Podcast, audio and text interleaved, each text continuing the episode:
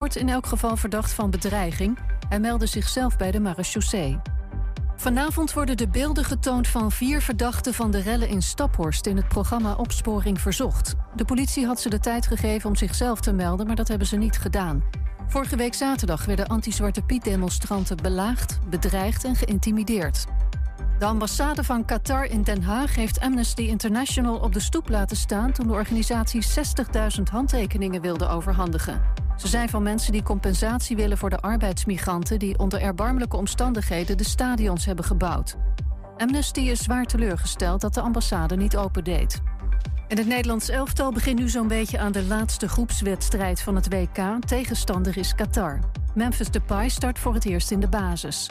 Bondscoach Louis van Gaal hoopt dat Oranje het beter doet dan de eerste twee wedstrijden, maar het belangrijkste is volgens hem de volgende ronde halen. Sportminister Connie Helder draagt een One Love speldje in het stadion. En dan het weer van Weer Online. Het is vrijwel overal droog en vanavond en vannacht kan het weer mistig worden. Morgen af en toe zon bij maximaal 9 graden. En tot zover het ANP-nieuws. Is jouw auto toe aan een onderhoudsbeurt of een APK-keuring? Maak dan nu een afspraak bij Gebroeders van der Mei in Enschede. Of het nou gaat om APK-keuringen, reparaties, bandenopslag of totaalonderhoud. Gebroeders van der Mei leveren vakmanschap, passie en echte service. Je vindt ons aan de Lonnekerbrugstraat 80 in Enschede. Ook ik rij op autobanden van Gebroeders van der Mei. Je vindt ons aan de Lonnekerbrugstraat 80 in Enschede.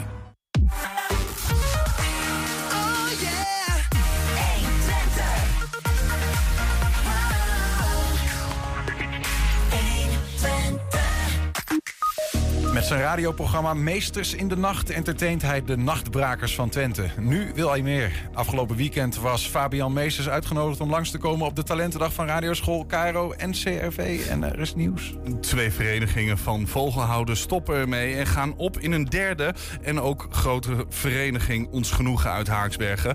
De drie gaan wel verder onder een nieuwe naam. Dat is de Vogelvereniging Haaksbergen en Omstreken. Moet Enschede gaan betalen voor het identiteitsbewijs voor iemand die een geslachtsverandering ondergaat. Als het aan de P van de A in Enschede ligt, wel. In de strijd tegen het woningtekort doet woningcorporatie Domein in Enschede een bijzonder experiment. Aan de Molukkenstraat staat nu namelijk een huis dat bijna in zijn geheel te verplaatsen is. En ook Ton Ouwehand is aanwezig met de column van de dag. Het is dinsdag 29 november. Leuk dat u hiernaar kijkt en niet ergens anders naar. Het is 120 vandaag. 120. 120 vandaag. Sterven doe je alleen, maar je hoeft niet alleen te sterven. Zo begint de website van het Hospice in Enschede. In het sterfhuis kunnen mensen hun laatste dagen slijten in bijzijn van lotgenoten en begeleiding. Maar wie kan kiezen, sterft bij voorkeur in zijn eigen huis. Zo begint de website van stichting Leendert Vriel... die juist met vrijwilligers naar het huis van de stervende toekomt. Beide organisaties fuseerden dit jaar. Met gebundelde krachten zoekt stichting Hospice en Leendert Vriel Enschede Haaksbergen nu naar vrijwilligers. En bij ons in de studio manager Erik Roelofs en vrijwilliger Leon Klasinski. Welkom beiden. Erik, eh, begin dit jaar zijn jullie samengegaan, het Hospice en Leendert Vriel. Wat was daarachter precies de gedachte? Ja, heel kort uh, samenvatten. Met, uh, we wilden heel graag één loket uh, voor de palliatieve zorg. Het hospice was apart georganiseerd. En de terminale thuiszorg was apart georganiseerd binnen de stichting Leonard Vriel. En wij wilden graag één aanspreekpunt, betere zichtbaarheid voor de mensen om wie het gaat. Ja. Zodat we ons beter weten te vinden. En dat we ook naar elkaar kunnen doorverwijzen betekent dat het als ik nu eh, zelf of iemand in mijn omgeving hè, die stervende is, dat we, dat we dan naar dat loket gaan? En, en wat vragen jullie mij dan? Ja, je kan aan het uh, telefoonnummer bellen van uh, wat op de website staat. Dan heb je een keuzemenu en dan kun je kiezen voor zeg maar het, het hospice... of je kunt kiezen voor de thuisinzet van ja. Linde Ja. Kun je misschien nog heel kort samenvatten? Ik heb geprobeerd een beetje in het intro te doen... van wat zijn nou die twee partijen? Wat doet het hospice en wat doet Leen het Vriel precies? Wij zijn een uh, organisatie voor palliatieve zorg. Dus voor uh, zorg voor mensen die uh, ernstig ziek zijn... en waarbij de levensverwachting korter is dan drie maanden. Het hospice is er dus voor mensen die niet thuis kunnen sterven... of niet thuis willen sterven.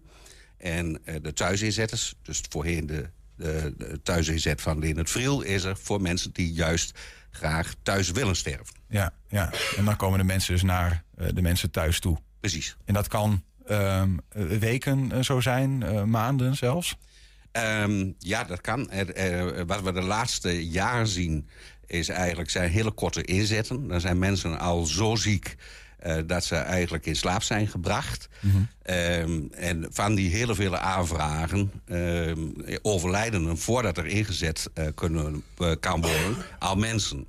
En we zeggen ook steeds tegen zeg maar, de zorgorganisaties, de wijkverpleegkundigen en de huisartsen: Ja. van zet ons nu iets eerder in, in het eh, traject. Ja, want zij bepalen dat. Want ik zit ook een beetje, ja, wie, wie bepaalt nou van ik ben ziek genoeg om naar het sterfhuis te gaan of, of alleen het Vriel op bezoek te laten Dat komen? is een hele goede vraag. Ehm, ja, eigenlijk bepaal je dat zelf. Dus we worden ook wel door eh, eh, cliënten zelf gebeld. We, we worden door familie gebeld. Eh, we worden door huisartsenpraktijken gebeld. En we worden door ziekenhuizen gebeld. Ja, ja. En wat we de laatste tijd vaak merken...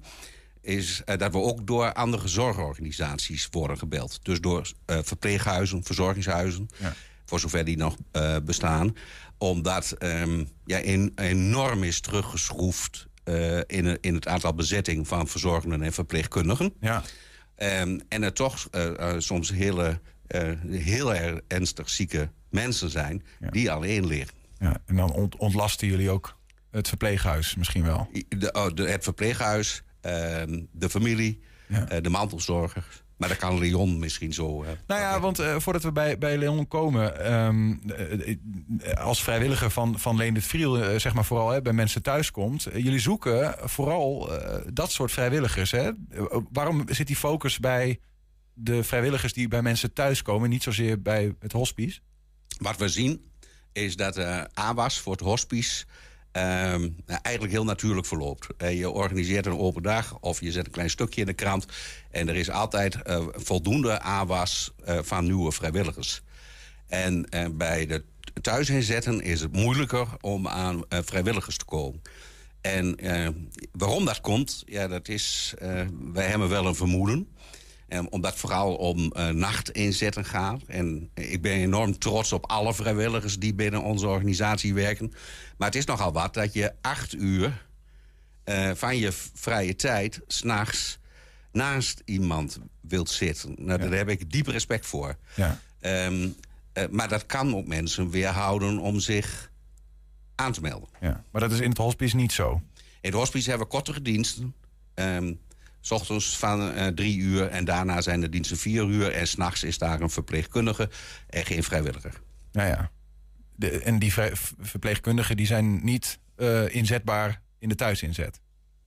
En, en, en jawel als professional, maar Ja. niet om te waken. Nee, oké. Ja, en heeft dat te maken met dat in het hospice er meerdere mensen bij elkaar zijn die stervende zijn? Dus dat dat ook, nou ja, ja heel lullig, omdat het zo'n precair onderwerp is, dat het gewoon wat efficiënter is. Ja, nou, eigenlijk wel. Eh, eh, maximaal kunnen er acht eh, mensen verblijven in het hospice. Ja. En dat, eh, dat geeft al een stuk eh, een, ja, garantie, ook weer een raar woord...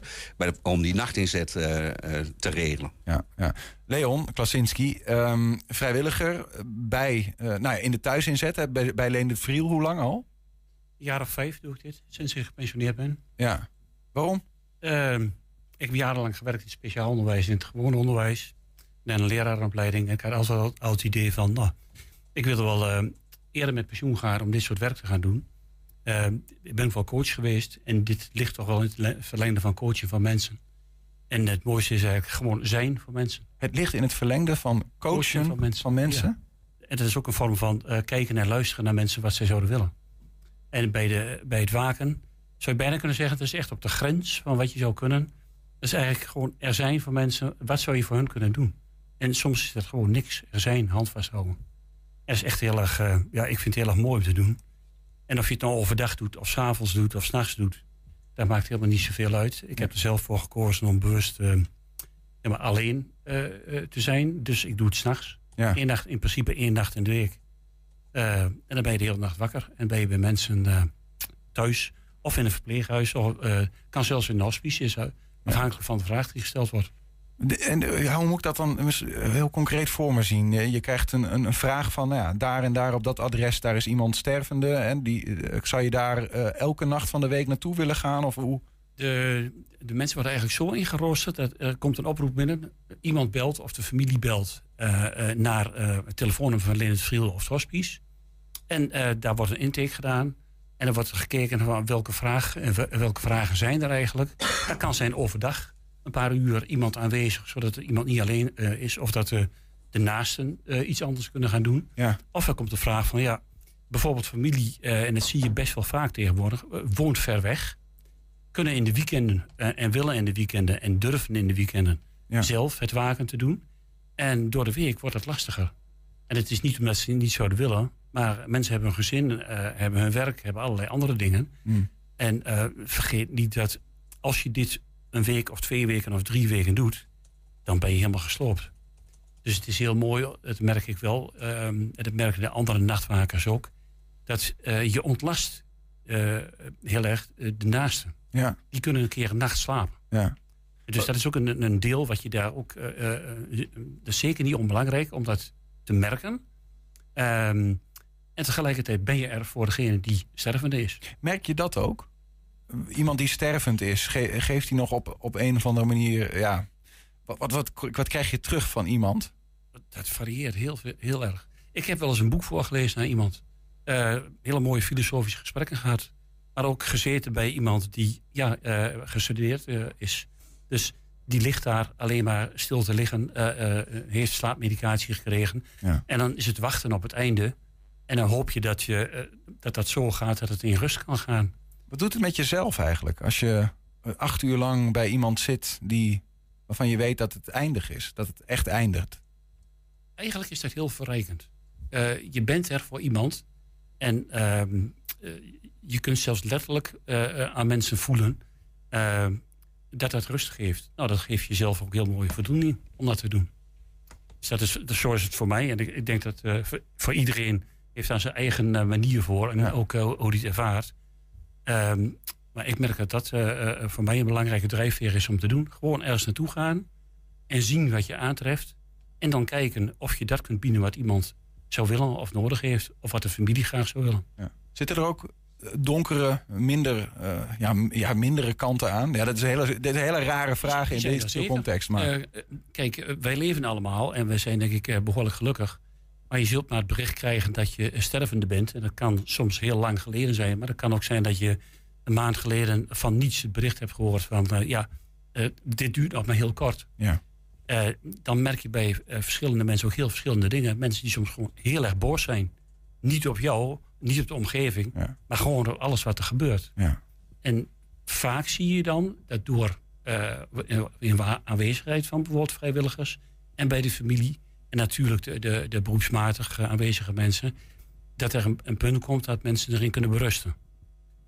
En eh, je merkt dat proces soms zelfs. dat proces kun je heel duidelijk merken. Ja, En dat is wel afhankelijk van hoe vaak je komt. Ja. Ik ben wel eens een aantal maanden bij iemand geweest, één nacht in de week. Eh, maar ben ik nog eens iemand geweest, ja, één nacht. En de verwachting was dat het veel langer zou duren. Maar binnen een week was deze persoon overleden. Ja. Dat kan ook. Heb je, heb je rouw als, als, als eh, bijstander in dat geval? Of, of is het daarvoor te kort? Ehm, ik heb niet een, een rouw. Wat, wat wel een, groot verschil is, eh, merk ik. Ehm, ik ben ook wel eens bij jonge gezinnen geweest. eh, waar dan een, een ouder het bericht heeft gehad van... ja, binnen een paar weken is het afgelopen. Dat je denkt van jongens, jongens, jongens, jongens, wat gebeurt hier? Nou, en dan ga je wel anders naar huis dan wanneer je naar huis gaat van iemand die 93 jaar is. Ja. En eigenlijk zegt, ik heb- ooit wel eens gehad bij een mevrouw... nou, het is mijn tiet nog niet. En een paar weken later had ze iets van... oh, het is ook echt wel mooi wes. Waarom, waarom zouden mensen, eh, nou niet jouw voorbeeld willen vo- moeten volgen, maar waarom, waarom zou je mensen aanraden om, om dit te onderzoeken voor zichzelf als vrijwilliger zouden worden? Ehm, ik heb er ne- net nog met iemand anders over gehad. Dat, kijk, je, eh, je krijgt ook de mogelijkheid in een cursus om gewoon te kijken van of het wat voor jezelf is. En het zou eh, het, het praten met mensen die dit soort werk doen, zou een, een, eh, denk ik iets kunnen zijn om te ervaren hoe het is. Ehm, en ehm, verder is het eigenlijk zo van, ja, kijk eens wat er zoal gebeurt. Vraag rond. Ja. En er zijn ook voorbeelden te zien van hoe er gewaakt wordt. Niet bij mensen thuis, want ja, je kunt niet iemand meenemen. Eh, eh, zo simpel is het ook. En je kunt het er wel over hebben. En ehm, dan ligt het dicht bij het ja, verzorgen. Maar, maar de- het belangrijk is denk ik ook het gewoon aanwezig durven zijn. Ja. En zo min mogelijk doen. En dan vooral kijken van ja, is er iets wat ik kan doen? Er zijn is al heel Ja, veel. er zijn, dat is het Ehm, uh. Erik, eh, Leon eh, vertelt, hij, hij was eh, zo coach. Hè, dus het, het ligt misschien ook dicht, bij, dicht bij zijn hart om dit, dit te doen. Wat vraagt het eigenlijk? Wat vraag jij van, van vrijwilligers? Is, is er een bepaalde voorwaarde? Ja, je moet natuurlijk wel wat affiniteit hebben met, met ehm, eh, eh, de palliatieve zorg, zeg maar. Je moet oprechte interesse hebben in mensen. Je moet zeg maar tijd willen investeren. Ja. En je moet er ehm, echt willen zijn. En dat, eh, als je het hebt dan voor de thuisinzetten, eh acht uur achter elkaar. Duidelijk, dan weten we in ieder geval wat, hoe we onszelf moeten onderzoeken. Ehm, ik ben, ik ben eh, over één ding ook nog even benieuwd eh, voor jou, Erik. Je, je was hier, nou ja, eind 2020 denk ik, midden in de coronatijd. En je vertelde dat in, de in het hospice, eh, tegen misschien de verwachting in, juist het aantal mensen wat daar kwam terug eh, liep. Dat had te maken met een bezoekersregeling, waardoor mensen liever thuis stierven omdat er minder mensen op bezoek konden komen bij jullie. Uh, maar ook omdat de reguliere zorg was uitgesteld. En mensen daardoor eigenlijk niet wisten dat ze ernstig ziek waren. Daardoor pas op het laatste moment bij jullie kwamen en dus minder lang in het hospice waren. En dan heb je dus minder overlap, dus minder mensen. Hoe is dat nu? Ja, het is, um, um, dat was uh, uh, eind 2020. Dus eigenlijk twee jaar terug. Ja. En wat we nu zien is dat, we, dat, dat er, um, uh, wij twee enorme drukke bezette jaren hebben gehad. Dus vorig jaar was in bezetting uh, veel uh, hoger dan in 2020. En dit jaar gaat daar weer overheen. Oké. Okay. En um, nou, ik, ik durf eigenlijk wel te beweren dat er nog steeds mensen zijn... Um, nou, die al uh, langer ziek waren, die dat gevoel hadden... van nou, het is niet helemaal jovel... Uh, maar niet naar de dokter konden. Ja. En uh, nu volop in het onderzoekstraject uh, zitten. En dat kan echt wel een half jaar duren. Maar dat er dan toch nog een nou ja, ongeneeslijke ziekte ja. aan het licht komt. Want even, de, normaal acht à negen mensen in het hospice. Dat is er voor, voortaan acht. acht. Maar ja. is dat nu dan soms uh, meer of is het aanhoudend acht? Nee, het is bijna aanhoudend acht. Ja, en dat is normaal is dat wat vaker... Dat is, het... is vaker wat lager. Ja, ja oké. Okay. Uh, uh, ja, als ik kijk naar de eerste jaren... dan is er een gemiddelde bezetting uh, per dag van vijf, zes. Ja, ja. Maar het is nu eigenlijk onafgebroken acht. Tot slot dan. Uh, eh, fusie. Jullie zoeken naar vrijwilligers vooral voor mensen die echt thuis willen komen, zoals, uh, zoals Leon. Wat zit er nog meer in het verschiet? Waar werken jullie aan om, om jullie palliatieve zorg bij het hospice en Leen het Vriel? Ja, wij willen ons meer op de kaart zetten. We willen zichtbaarder uh, worden. We willen ons um, echt ook gaan presenteren binnen de thuiszorgorganisaties. Dus dat mensen ons ook kennen. Mm -hmm. Het gezicht letterlijk en figuurlijk kennen. Uh, zodat ze ons ook snel weten te vinden. En ook uitleggen wat we doen en waar we mee bezig zijn. Ja, nou ja, bij deze dan uh, graag gedaan. Ja, en ik wil eigenlijk nog even van de gelegenheid gebruik maken als dat kan. Want Lene Vriel doet nog wat weer, meer. En we hebben ook een hele grote um, groep vrijwilligers... die zich bezighoudt met rouwbegeleiding.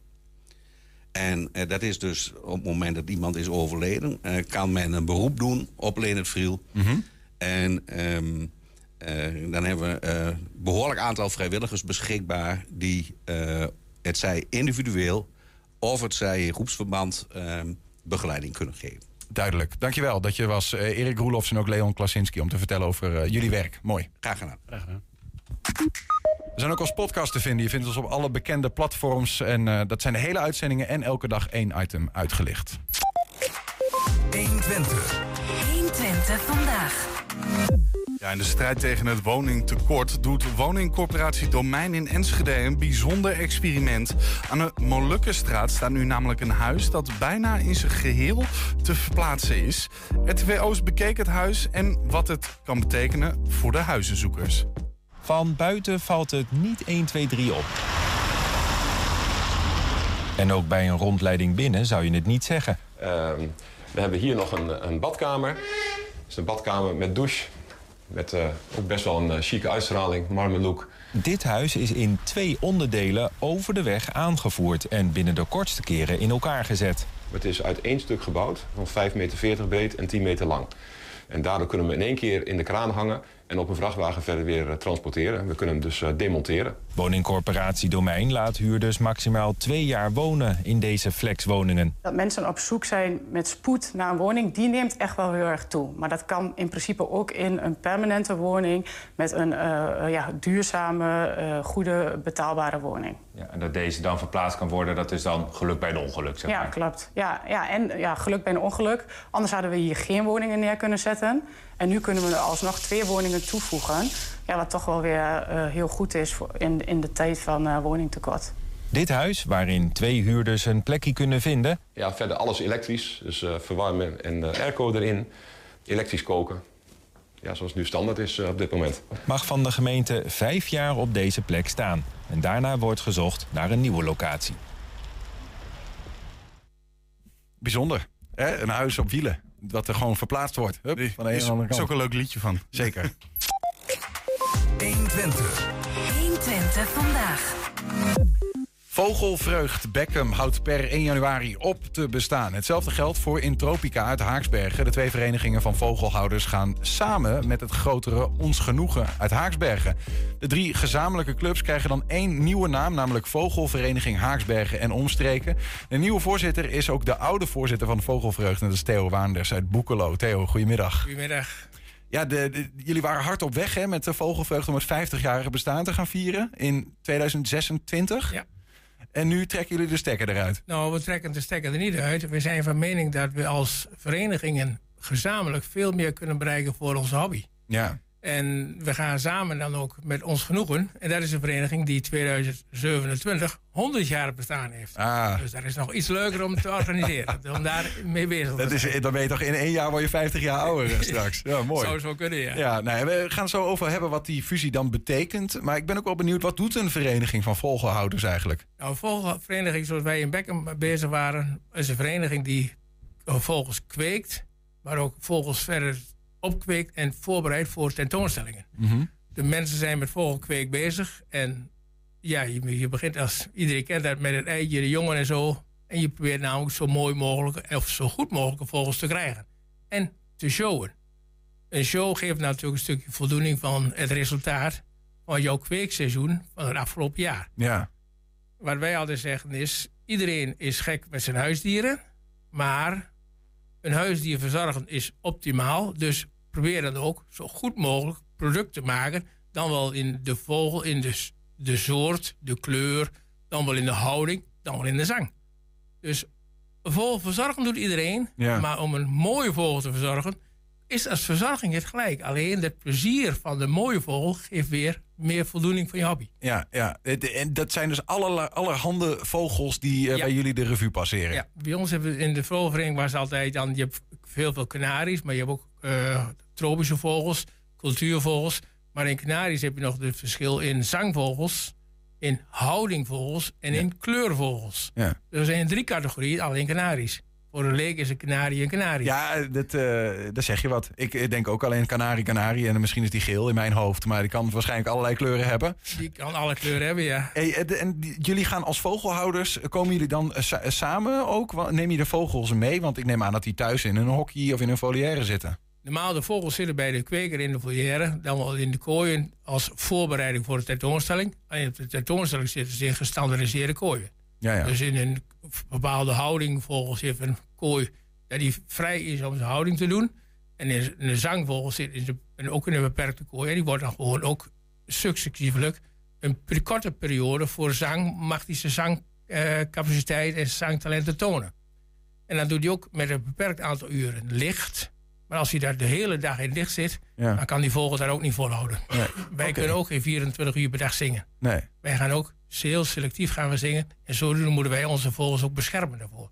Eh, Zit er dus een, een verband tussen het hoeveelheid licht en, eh, en het gezang van zo'n vogel? Ja, een vogel als die zingt, als hij een half uur zingt, Ja. dan is hij ook al schor. Dan begint hij schor te worden. Dus je moet de vogel beschermen. Als de vogel in het licht zit, dan wil hij de hele dag wel het hoogste lied zingen. Oh ja? Dat kan hij niet volhouden. Oké, dus die zitten in gesloten kooien. Die zitten allemaal in een kooi. En dan meestal zitten deels zitten ze in, ja, in half schemer, om maar zo te zeggen. Ja, die gaan niet donker zetten. Maar je, gaat ze duidelijk beschermen dat ze niet continu in het licht zitten. Ze zingen ze zich schor, geweldig. Ja, maar, eh, maar nou begrijp ik wel, kijk, het is natuurlijk een reden dat jullie gaan, gaan hokken samen. Hè? Dat jullie samen gaan. Dat heeft te maken met een tanend ledenaantal. Ja, dus de, vogelsport is wat ieder de laatste jaren is. De sport is meest senioren, plat gezegd. Alleen de, er ontvallen er ook wel mensen van ons. Dus op een gegeven moment wordt het ledenaantal loopt terug. En Ja. we krijgen eigenlijk weinig jonge leden erbij. Hoe kan dat nou?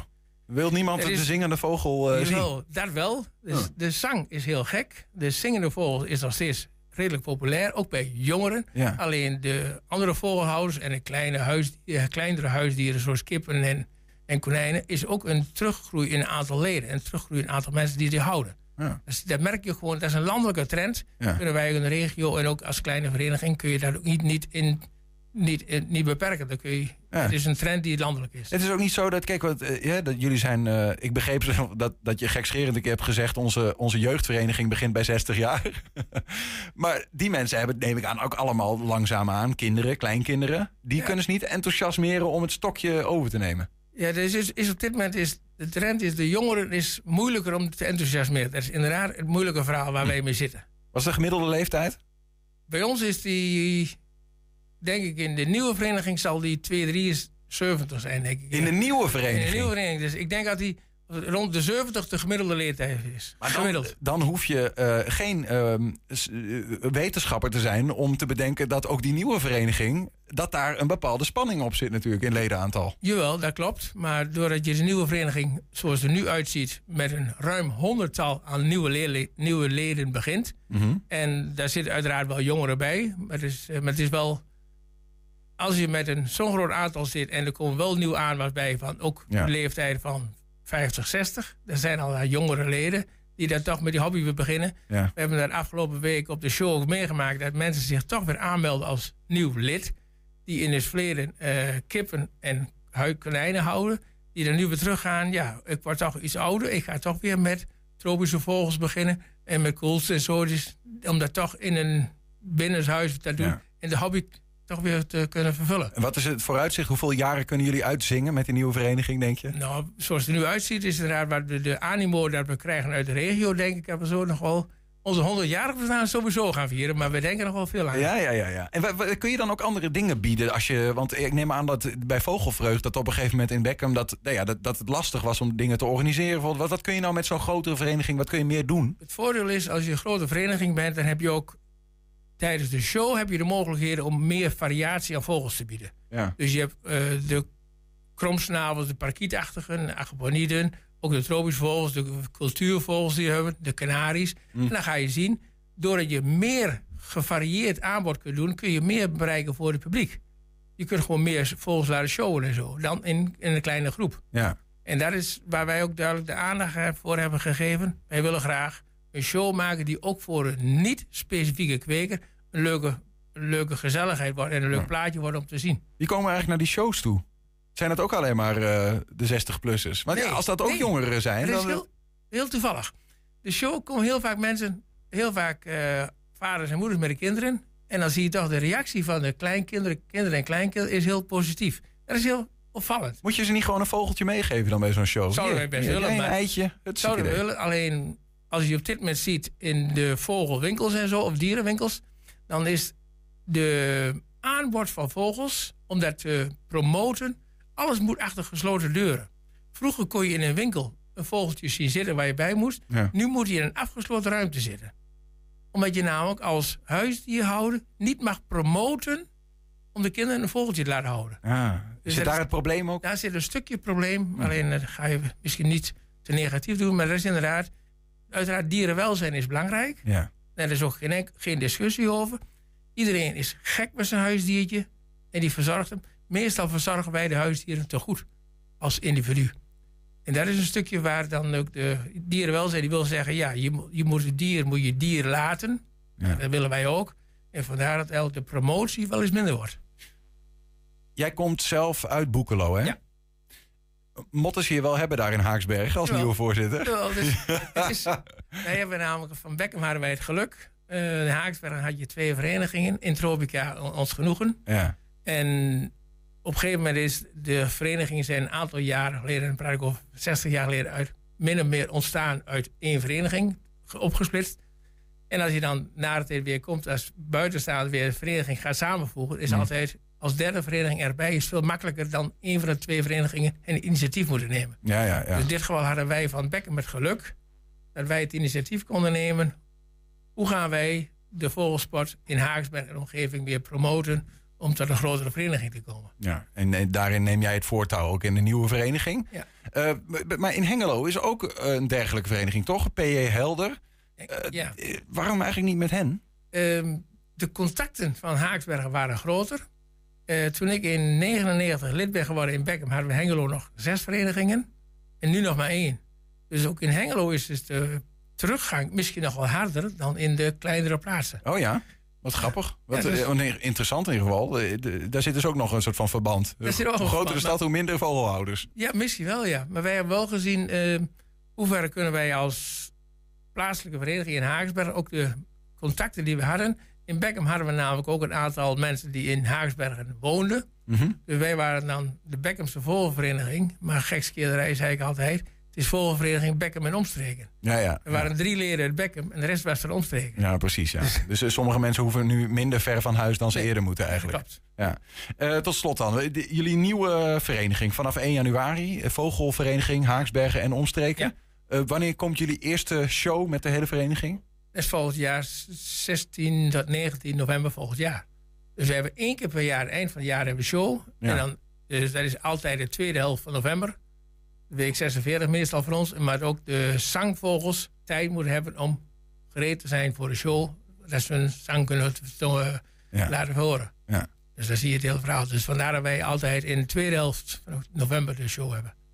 Dankjewel Theo dat je hier even jouw eh, hoogste lied eh, kwam, kwam zingen. Theo Waners van eh, de nieuwe vogelvereniging dus van Haaksbergen en Omstreken. Eh dankjewel. En nu dan eh, fluitend terug naar Boekelo. Moet dat zo Terug naar Boekelo, ja.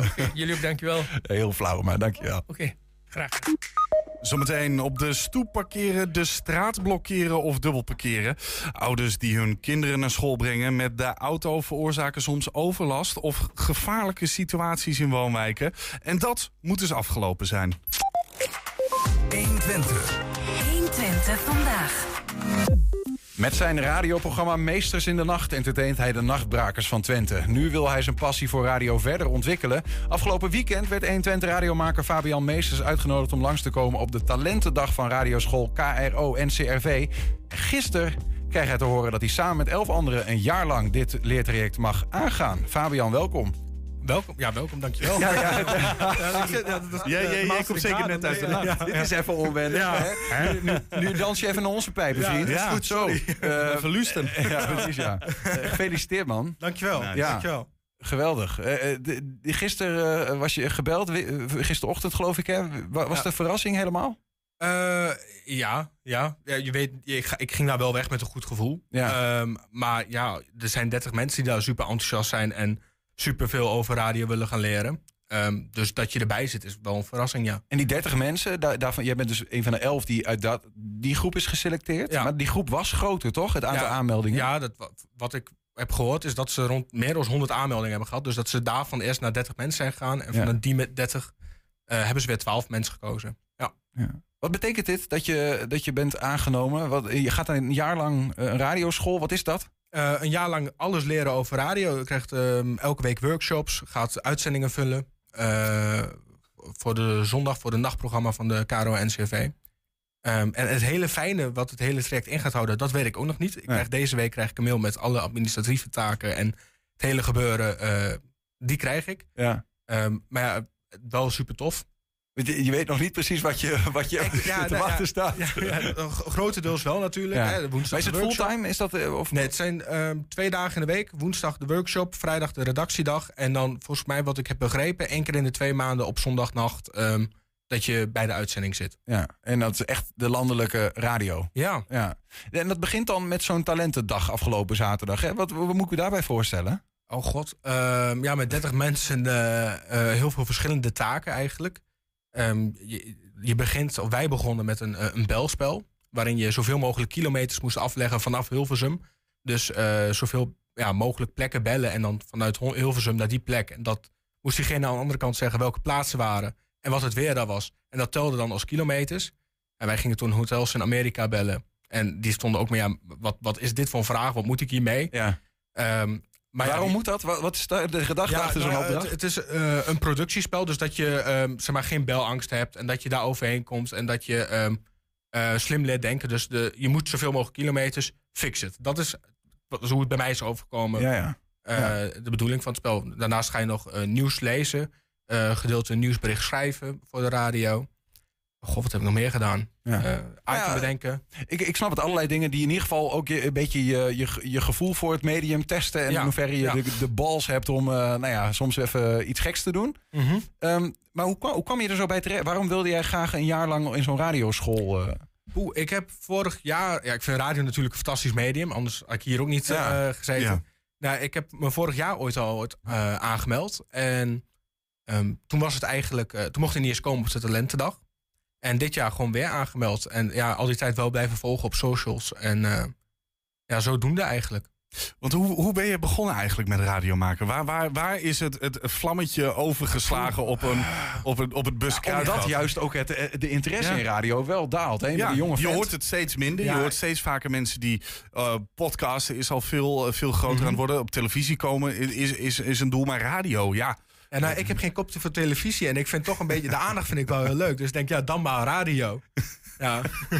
Zo is het ooit begonnen. De nou, hè. standaard grap weer. Van, Nee, ik, heb nee. geen, ik, heb, ik heb een prachtig gezicht voor de radio. Ja, ja. ja, maar nu hebben ze visual radio, dus dan moet ik... eh, ja. Ja, dat ik heb nu een personal trainer. eh. Ja, want, want, je, want je bent begonnen bij eh, Weekend Enschede hier. Ja, Eh, eh, later jezelf eh, aangemeld eh, bij, eh, bij Henk Ketting van... hey, ik, ik wil zelf ook wel wat gaan doen. Klopt. Toen ben je in de nacht terechtgekomen. Wat, wat dacht je toen wel niet? Van, wat, wat moeten ze?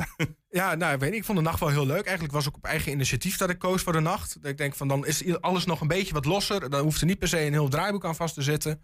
Ehm dan kan ik gewoon doen wat ik wil. En eh, als het echt helemaal v- kut gaat, dan, dan, dan, ja, dan gaat het zo. Maar Ja. Dan, dan, ja, dan fixen we dat ook wel weer. En dan lachen we erom. En dan, ja. Ja, ik heb begrepen dat de- de studenten in eh, Enschede, dan wel Twente, je wel weten te vinden. Ja, nou, vooral tijdens de coronaperiode, toen, toen ben ik eigenlijk begonnen. En eh, vanuit daaruit is het eigenlijk best wel. eh, toen werd het heel veel beluisterd. Ik weet Ja. niet hoe het nu nog zit, ik kan het niet echt inzien. Ja. Maar ik weet van toen de tijd dat ik eh, dat het wel. Ja, toen werd het goed Ja, beluisterd. wat, wat, wat, wat gebeurt er in zo'n radio-uitzending? Zijn er ook meer studenten die dronken Ja. opbellen? Of hoe moet ik dat Ook- voor me zien? Ook, ehm, ik zit meestal met iemand die ik ken uit het studentenleven. Want ik vind het alleen achter zo'n tafel vind ik best wel dat ik denk van ja, dan moet je maar een grapje maken. En dan Ja. waar moet je aan meten dat is het heel grappig anders, is. zeker. Dus ik vind het heel lekker dat ik af en toe iemand heb om tegenaan te lullen. En die ook lekker teruglult. Ehm, dus ja, daar eigenlijk. eh, sorry, wat was je vraag verder? Nou ja, wa- wat je allemaal dan in zo'n nacht tegenkomt. Ja, hè? of Dus, van eh, alles. Dronken studenten. Dronken eh, studenten, vooral veel verzoekjes. ehm, en ook met de meest gekke teksten, maar ik draai het allemaal. Het zou me echt, ja, het maakt me allemaal niet uit. Ja.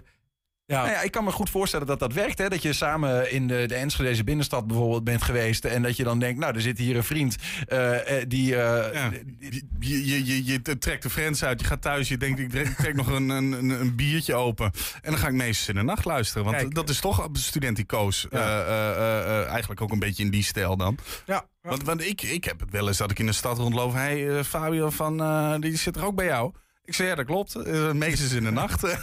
Prachtig Zo zie je maar. trouwens Ja. voor een programma. Je hebt een goede naam in de- die zin. Voor Ik, wat, zeggen, ik heb een geluk met mijn achternaam. ja, ja, zeker, Ja. zeker. Daar kun je van alles mee. Ook op de landelijke radio. Maar is dat waar, waar je naartoe wil uiteindelijk? Ja, dat wel. Ja, zeker. Ik hoef niet per se eh, eh, radio-dj te worden. Die ambitie heb ik niet echt. Vind ik heel leuk voor de lokale.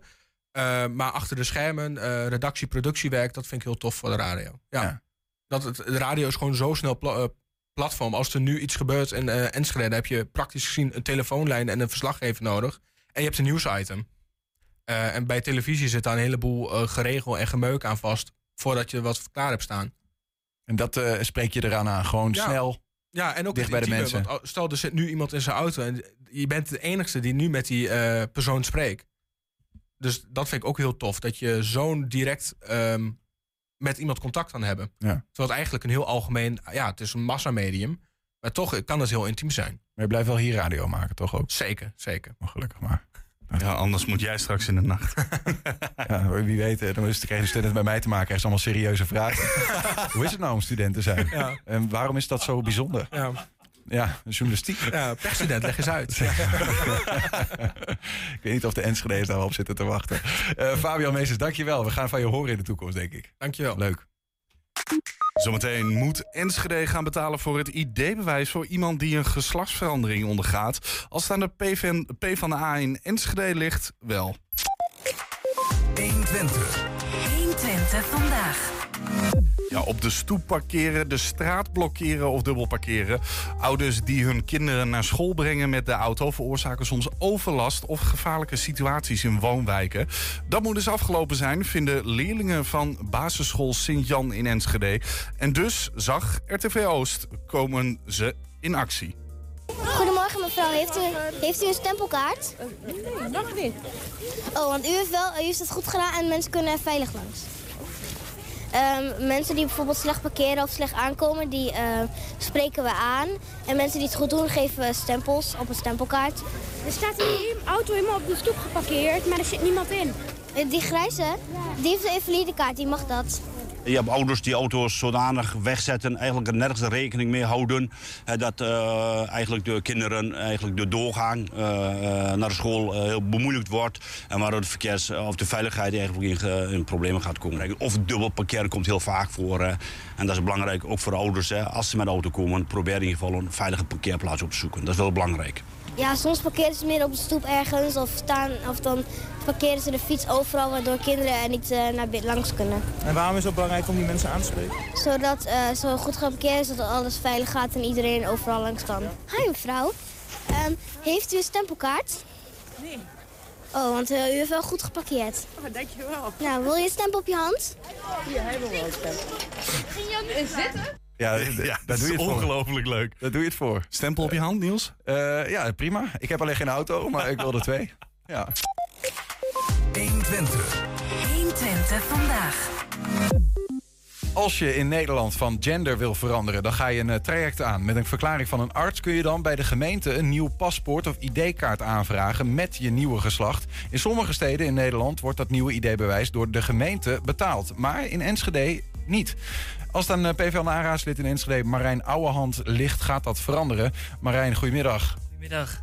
Eh, gisteravond heb jij hier eh, een en ander over, in over gezegd in de gemeenteraad. Ja, Wat, wat, wil, wat wil je graag? Ik wil dat in principe dat iedereen zich in Enschede veilig en thuis, thuis voelt. Dat hebben we ook als de Partij van de Arbeid campagne meegevoerd. En dat is voor ons het allerbelangrijkste. En op dit moment eh, eh, is het zo dus dat als jij wisselt van gender, in, eh, van geslacht in je paspoort of ID-kaart, dan worden je documenten worden ingenomen en dan is het je eigen verantwoordelijkheid om een nieuwe te kopen. Wij denken van ja, als je die documenten afpakt, dan moet je ze ook een nieuwe, een, een nieuwe geven. Ja. Nou, is het zo dat de, de wethouder heeft gezegd... ja, dan krijg je een soort van eh, gelijkheidsprincipe wat dan optreedt. En als je dat doet bij mensen die van geslacht veranderen... moet je het ook doen bij mensen die bijvoorbeeld van naam veranderen... als ze zich daar niet meer comfortabel bij voelen, om welke reden dan ook. En daar kunnen we niet aan beginnen. Zo, dat lees ik er een beetje uit in ieder geval. Ja, de- eh, dat was inderdaad gisteren de beantwoording in de actualiteitenraad. En het lijkt ons, ons eh, ontzettend goed om die discussie ook in de raad aan te gaan bij de volgende vergadering. Mhm. We gaan hier een, een motie ook over indienen om dit mogelijk te maken. En dan laten we ook dan eh, met de raad heel duidelijk gaan kijken hoe gaan we dit afkaderen en hoe kunnen we dit aanpakken. Ja. Maar als je daar nu alvast zeg maar, op, op, op, nou ja, op reflecteert, op zo'n antwoord, zit daar wat in? Ik vind daar zeker wat in zitten, dat je dat ook breder gaat trekken. Dat als mensen bijvoorbeeld slachtoffer zijn van huiselijk geweld... of als je eh, geadopteerd bent en je wilt niet meer de naam van je, eh, eh, van, van je biologische ouders in je paspoort hebben... dat daar wel mogelijkheden voor zijn om dan op, eh, dat de gemeente daar op een bepaalde manier in tegemoet komt. Noem het de menselijke maat. Hey, maar je zou ook kunnen redeneren dat eh, nou ja, zo'n paspoort is een keer 50 tot 70 euro, geloof ik.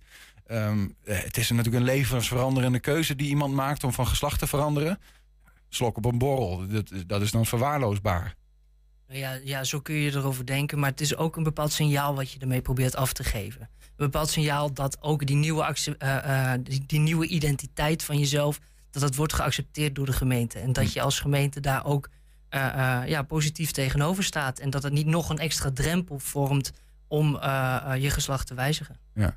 Zou het, zou het het echt zijn? Een drempel? Ja, ik weet niet, heb jij vanuit die community daar ook dingen over gehoord? Eh, nou ja, niet per se dat die be- bedragen dan te hoog zouden zijn daarvoor.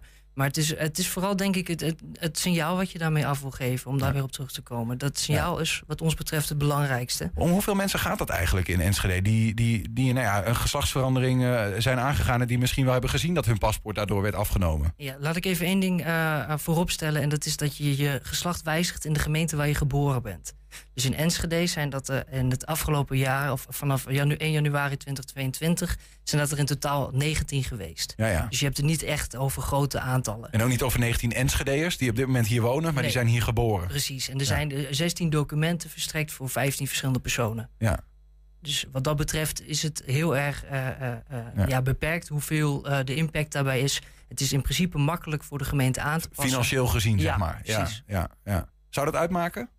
Ik denk wel zeker dat het een, een bepaalde drempel dan weer verlaagt. Ja, ik bedoel meer, zou weer- het, zou het uitmaken eh, hoeveel het er zijn? Eh, als er veel meer mensen zijn, maakt het uit voor jouw standpunt hierin? Of zeg je, nou, de gemeente moet eigenlijk gewoon de kraan openzetten, maakt niet zoveel uit. Weet je wel, dit is gewoon een principieel standpunt. In principe, ja, dit, wij vinden dit wel een principieel standpunt.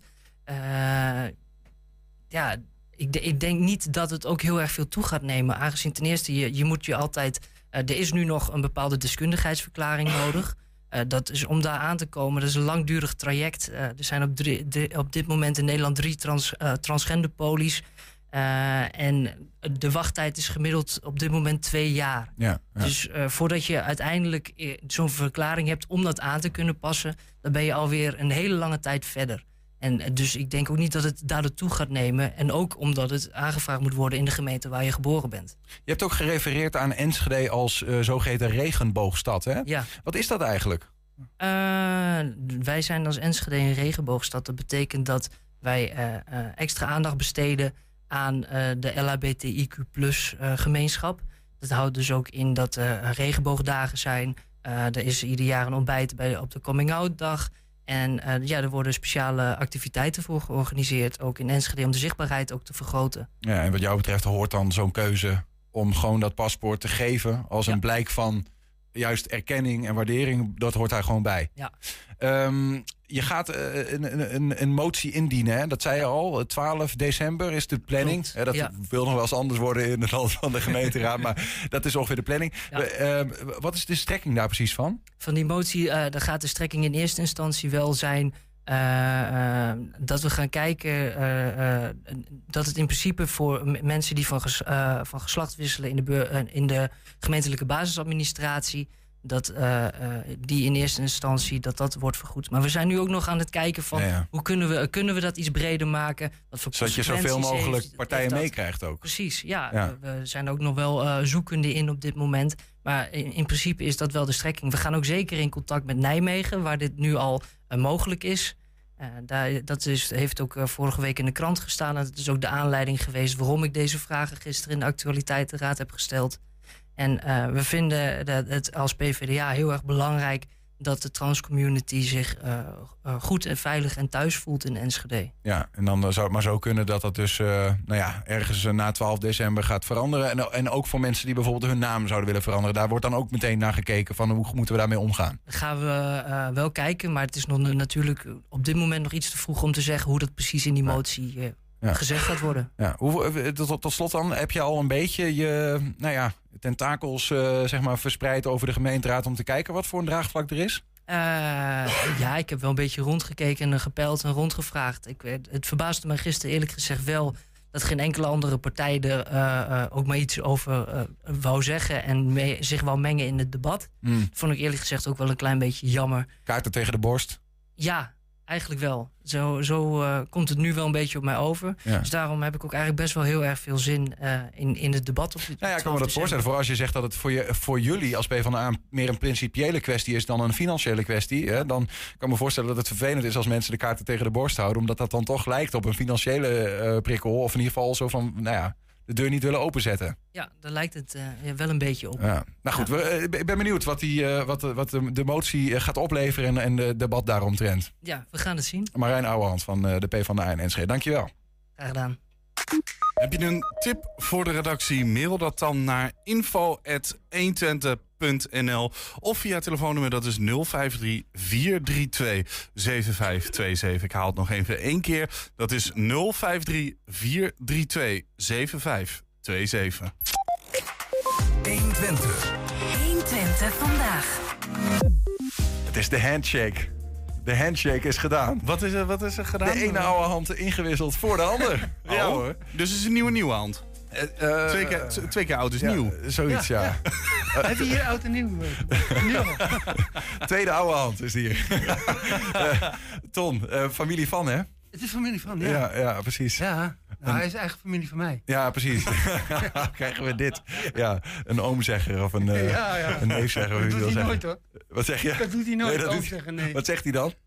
Ja, hij noemt me meestal bij mijn naam. Hey, ouwe? Oh, Ja. ik dacht... ja. Hij is niet mijn zoon, hè? Nee, zeker niet. Nee, nee, nee. Nee, nee, nee, nee, oh, helemaal niet. Nee, precies. Nee, hij, is, hij is jouw neefje. Ja, mijn ja precies, ja. Ehm, nou, toch leuk om jullie even zo na elkaar hier in de studio te hebben. Eh, maar dit keer van jou geen eh, relaas over eh, eh, paspoorten van eh niet. rendeveranderingen, dat soort dingen. Helemaal, misschien wel politiek, ik weet het niet. Maar ik denk ook iets met een jazzmaand. Het, is- november Jazzmaand is bijna ten einde, hè? Ja, dat schijnt. Ja, ja, ja. Dat, Ja, ik heb eh, het vernomen. Loopt hij wel eens door, ook de jazzmaand? Gaat dat hij- wel eens door in, in december. Jazzmaand. Eerste, eerste dagen Ja. van december nemen ze dan mee. Oh, precies, ja. Ja. ja. Maar- nou ja, we, we gaan luisteren wat je voor ons hebt meegenomen. Ton Ouwehand met de Ja. column van de dag. En die is getiteld Beste Matthijs. Beste Matthijs. Iedereen heeft het nu over de situatie achter de schermen bij De Wereld Draait Door. Maar ik heb me soms gestoord aan wat zich voor de schermen afspeelde. De ontbrekende interesse in Nederlands meest productieve, meest veelzijdige componist ooit, Harry Banning. Oké, er was ruime aandacht voor het project Supersonische Boom. Maar liefst negen minuten. Maar dat item ging eigenlijk alleen over Annie M. G. Schmid. En die popzangers die haar werk opnieuw hadden ingezongen. Terwijl de muziek toch echt van Harry Banning is. Al is het een project waar ik weinig meer van begreep dan dat slecht zingende artiesten zich door incapabele muzikanten lieten begeleiden, het is toch niet in verhouding dat Harry's naam nauwelijks werd genoemd. Toen jullie in seizoen 2017-2018 Willem Wilmink op gezette tijden en ongezette tijden door het programma lieten vlinderen, heb ik gedacht, hè nu komen we ergens. Er kwamen diverse Wilmink liedjes voorbij, althans zo noemde jij dat. Maar Wilmink schreef helemaal geen liedjes. Dat is een hardnekkig misverstand. Annie M. G. Schmid en Willem Wilmink hebben nooit liedjes geschreven. Ze schreven gedichten en liedteksten en er werden wel liedjes van gemaakt, maar dat deed een componist. En die heette soms Joop Stokkelmans, Ruud Bos of Martin van Dijk, maar meestal Harry Banning. Wilming schreef trouwens ook wel eens een tekst op een melodie die al bestond, zoals Twee Vriendinnen op het Amerikaanse Streets of Lorendo. En Hilversum 3 bestond nog niet, was Willems tekst op een Duits liedje. Deze twee songs kwamen in dat seizoen bij DWDD aan de orde. Maar alle gezongen, alle andere gezongen Wilming-teksten in jouw programma waren allemaal getoonzet door Harry Banning. En hoe groot de druk bij de redactie ook geweest zal zijn, er had toch iemand moeten roepen: Banning, daar moeten we wel iets mee. Maar Harry's naam werd ondanks de sleutelpositie zelden genoemd. Een dieptepunt in dit verband vond ik wat als een soort ultiem hoogtepunt werd gepresenteerd. Een kolossale jam-sessie over Wilmings lied Deze vuist op deze vuist. Maar zoals gezegd, Wilming schreef geen liedjes, hij schreef teksten. Er werd helemaal niet gejamd over die tekst van Willem, er werd gejamd over de muziek van Harry. En er had best iets over verteld mogen worden. Bijvoorbeeld dat Harry Banning commentaar had gekregen op de toonzetting van een pedagogisch genootschap. Want Wilmings woorden, zo klim ik naar boven, had hij van een dalende melodie voorzien. Dan kon je die tere kinderziel niet aandoen, mede de pedagogen. Mijn ergernis over het ontbreken van Harry in jouw programma begon ook anderen op te vallen. Ik ben een keer enthousiast gebeld. Harry Banning is gisteren genoemd in de Wereld Door, schreeuwde een vriendin in mijn oor. Ik ging terugkijken en stuitte op Herman van Veen, die met zijn nadrukkelijke articulatie de loftrompet over zijn leermeester Willem aan het steken was. De naam Banning was nog niet gevallen. Toen Van Veen op wilde staan om zich in de richting van een zangmicrofoon te begeven. Oh nee. Toen Van Veen op wilde staan om zich in de richting van een zangmicrofoon te begeven, kwam tafeldame Hanneke Groenteman in actie. Ze vroeg aan Herman of hij wel eens muziek van Harry Banning had gezongen. Korselig antwoordde hij: Nee, Hanneke, dat heb je me voor de uitzending ook al gevraagd. Maar hoe Hermans antwoord op die vraag ook had geluid, haar reactie stond toch al lang vast. Dat is ook toevallig, zei ze. Mijn zoon maakt een podcast over Harry Banning. Beste Matthijs. Als je nog steeds, zoals je me op 29 september 2021 bij het concert van Peter Beets en Sven Vigé, alias Sven Hammond, in de kleine Willem beloofde, met mij als gids de Harry Banning Willem Wilming wandeling wil lopen, dan gaan we buiten de route om even naar de Lippenkerkstraat 98. Daar is Harry Banning geboren en daar heeft hij de eerste 30 jaar van zijn leven gewoond. En dan ga je voor de deur sorry Harry zeggen. Desgewenst zing je het op de melodie die Hetty Blok en Carla Lip gebruikten in Juist tussen. In het liedje Harry, wat heb je met je haar gedaan? De route wordt er weliswaar een kleine twee kilometer langer van. Maar dan zal ik je onderweg wel wat dingen vertellen die je leuk zult vinden. Bijvoorbeeld dat Harry Banning in Loenen aan de vecht op een woonboom woonde, terwijl drummer Han Benning op een boot verderop zat. En dat de postbode de namen H. Banning en H. Benning nogal eens door elkaar haalde. En dat Han Benning mij vertelde dat hij een keer een bankafschrift opende en aangenaam verrast vaststelde dat hij over veel meer geld beschikte dan hij dacht. Maar helaas, er was weer eens wat verkeerd bezorgd. En dan vertel ik je ook hoe een Enschedeze postbode zorgde voor een vriendschappelijke band tussen Willem Wilmink en zijn overbuurvrouw Ellie. Willem en Wopke woonden in de Javastraat op nummer 43 en die overbuurvrouw op 34. En die postbode was licht dyslectisch. Maar ik zal ook dingen vertellen die je minder leuk zult vinden. Waarom ze voor de titelsong voor de film Notting Hill het liedje She niet gebruikte van de door jou zo bewierookte Charles Aznavour. Ze deden nauwelijks iets aan het arrangement, maar ze lieten het Elvis Costello opnieuw inzingen. De man die binnen één zin vaker ademhaalt dan een gemiddelde hardloper, werd verkozen voor de stem die jou zo lief is. En ik weet waarom. En dat weet ik omdat ik het Elvis Costello zelf heb gevraagd. Dat van die dat rare ademhalen heb ik trouwens niet durven vragen, maar dat terzijde. Het antwoord waarom ze Asnavoer aan de kant schoven, zal je verbijsteren. Maar dat vertel ik je dan wel. Tot zover. De, de column van Ton de Ouwel. Ton, hartstikke bedankt. Ik denk dat het wel goed zou zijn voor hem, zo'n wandeling. Een beetje ontspanning. Hè? Met je haar in de wind. Lekker man. Ja. Dra- Zijn nou drankneus? oh. Wel een goeie, want anders Ja. dan eh leg je van langs. Dit was 120 vandaag. Terugkijken, dat kan via 120.nl. En vanavond 8 en 10 op televisie te zien. Zometeen Henk Ketting met de ketreactie. Tot morgen. 120. Weet wat er speelt in Twente. Met nu het nieuws van 5 uur. Ik ben Ingrid Anne Broersen. Goedemiddag. Het COC is niet te spreken over het statement van minister Helder in Qatar. Ze draagt tijdens de wedstrijd van het Nederlandse elftal een One Love speldje in plaats van de armband. En dat vindt het COC nogal slap. Ze zou het nog een beetje goed kunnen maken